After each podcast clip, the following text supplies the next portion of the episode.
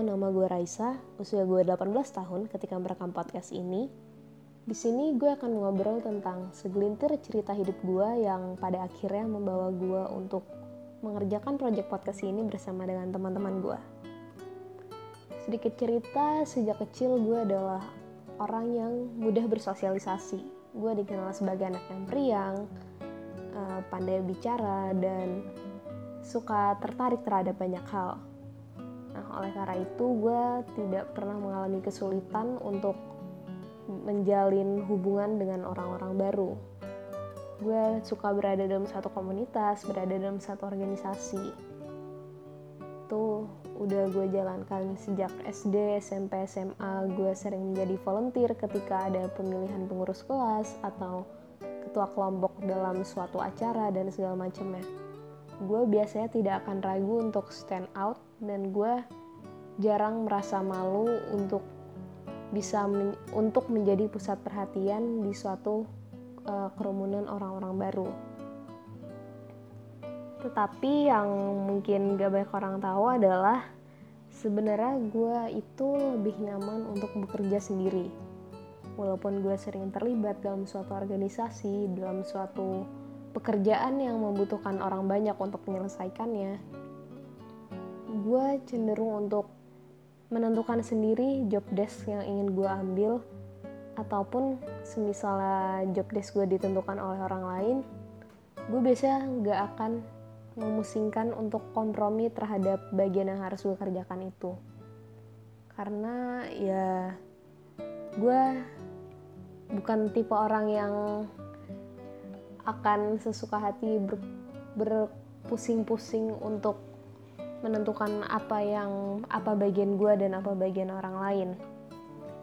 Dan gue juga lebih suka kerja sendiri karena gue bisa menentukan sendiri apa yang ingin gue lakukan gimana baiknya mengerjakan sesuatu sesuai dengan selera gue sesuai dengan idealisme gue dan bisa selesai lebih cepat karena uh, gue gak harus berunding dengan orang lain ya walaupun gak selamanya seperti itu ya kadang ya karena bantuan orang lain juga pekerjaan bisa selesai lebih cepat.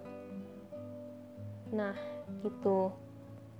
Sampai pada akhirnya di karantina ini temen deket gue Iva namanya ngajak gue untuk berkolaborasi bikin suatu project, suatu bisnis non profit yang 100% keuntungannya disalurkan didonasikan untuk membantu tenaga medis dalam melawan COVID, seperti membelikan peralatan peralatan-peralatan medis dan segala macamnya. Nah, ternyata apa yang kami lakukan itu bisa melebihi ekspektasi awal kami.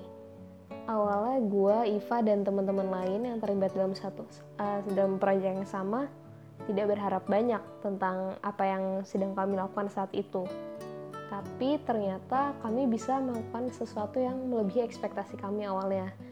Mungkin lebih ke ekspektasi Iva ya karena dia adalah pelopor dari kegiatan bisnis non profit untuk donasi itu. Nah suatu hari gue dan Iva ngobrol-ngobrol tentang uh, banyak hal yang salah satunya adalah tentang ini. Dia bilang Rai dulu gue pernah bikin suatu gerakan kayak gini juga gue menjual suatu barang atau jasa yang keuntungannya uh, gue salurkan untuk donasi dan semacamnya lah. Pokoknya intinya gerakannya serupa. Tapi saat ini gue melakukan sesuatu yang sama gitu. Tapi uh, skalanya bisa lebih jauh lebih besar daripada apa yang gue lakukan sebelumnya jujur sebelum mulai project ini gue agak skeptis karena pengalaman gue terhadap bisnis untuk penggalangan dana ini kurang baik sebelumnya. Gue merasa salah satu faktornya kenapa kali ini bisa lebih baik adalah karena dulu gue melakukan itu sendiri tapi sekarang gue punya kalian gue punya tim yang bisa gue andalkan yang masing-masing uh, punya bagiannya sendiri dan uh, ya itu adalah hal yang membuat dia percaya bahwa kita bisa melangkah jauh dalam hidup kalau kita melakukannya bersama-sama dengan orang lain.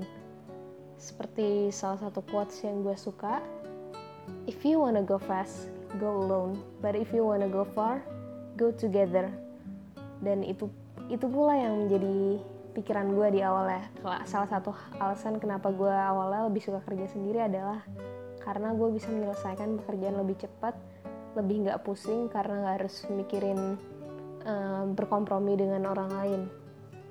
Tapi gue sadar bahwa gue akan jalan di tempat kalau misalnya gue nggak mau membuka pandangan gue dan lebarkan sayap gue untuk bersama-sama mengajak orang lain mencapai satu cita-cita yang sama.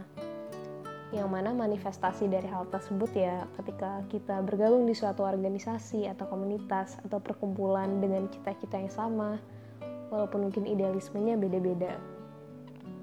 Nah sejak karantina ini juga gue punya banyak waktu luang. Akhirnya gue iseng-iseng bikin konten di podcast dan YouTube. Yang awalnya gue lakukan itu sendiri dan ternyata walaupun gak begitu banyak yang nggak begitu banyak audiensnya tapi tetap aja ada yang menaruh perhatian ke konten gue dan gue merasa gue bisa memberikan pengaruh yang lebih besar gue bisa memberikan manfaat yang lebih luas ketika gue bisa memanfaatkan sosial media gue dengan bijak. Yang mana pada awalnya gue lakukan itu sendiri. Nah uh, proyek konten yang gue lakukan sendiri itu udah berlangsung selama sebulan dua bulan sampai pada akhirnya satu hari kakak kelas gue salah satu pelopor dari per podcast ini juga menghubungi gue untuk mengajak bekerja sama untuk menjalankan pod, uh, project podcast ini yang mungkin nanti akan melebar ke platform yang lebih luas nggak hanya melalui podcast dan gue tanpa berpikir panjang gue uh, menyetujuinya. Karena gue pikir gue udah bisa membangun cukup keberanian untuk mengeluarkan konten gue secara individu. Dan ini adalah saatnya gue level up uh, untuk bekerja dalam sebuah tim yang mengeluarkan konten-konten yang diharapkan dapat bermanfaat untuk orang banyak. Dan itu adalah PR gue PR yang akan gue kerjakan sembari gue menjalankan proyek podcast ini. Dan uh, untuk kalian para pendengar mungkin kalian ada di situasi yang sama. Mungkin kalian sama ini terlalu nyaman untuk menjalankan suatu hal sendiri atau kalian belum berani mengeluarkan karya-karya kalian belum berani unjuk gigi kepada publik. Oleh karena itu ayo kita sama-sama mengerjakan PR ini bersama kami di PR Podcast. Terima kasih sudah mendengarkan cerita saya dan sampai jumpa di lain episode. Share the story, enjoy the journey.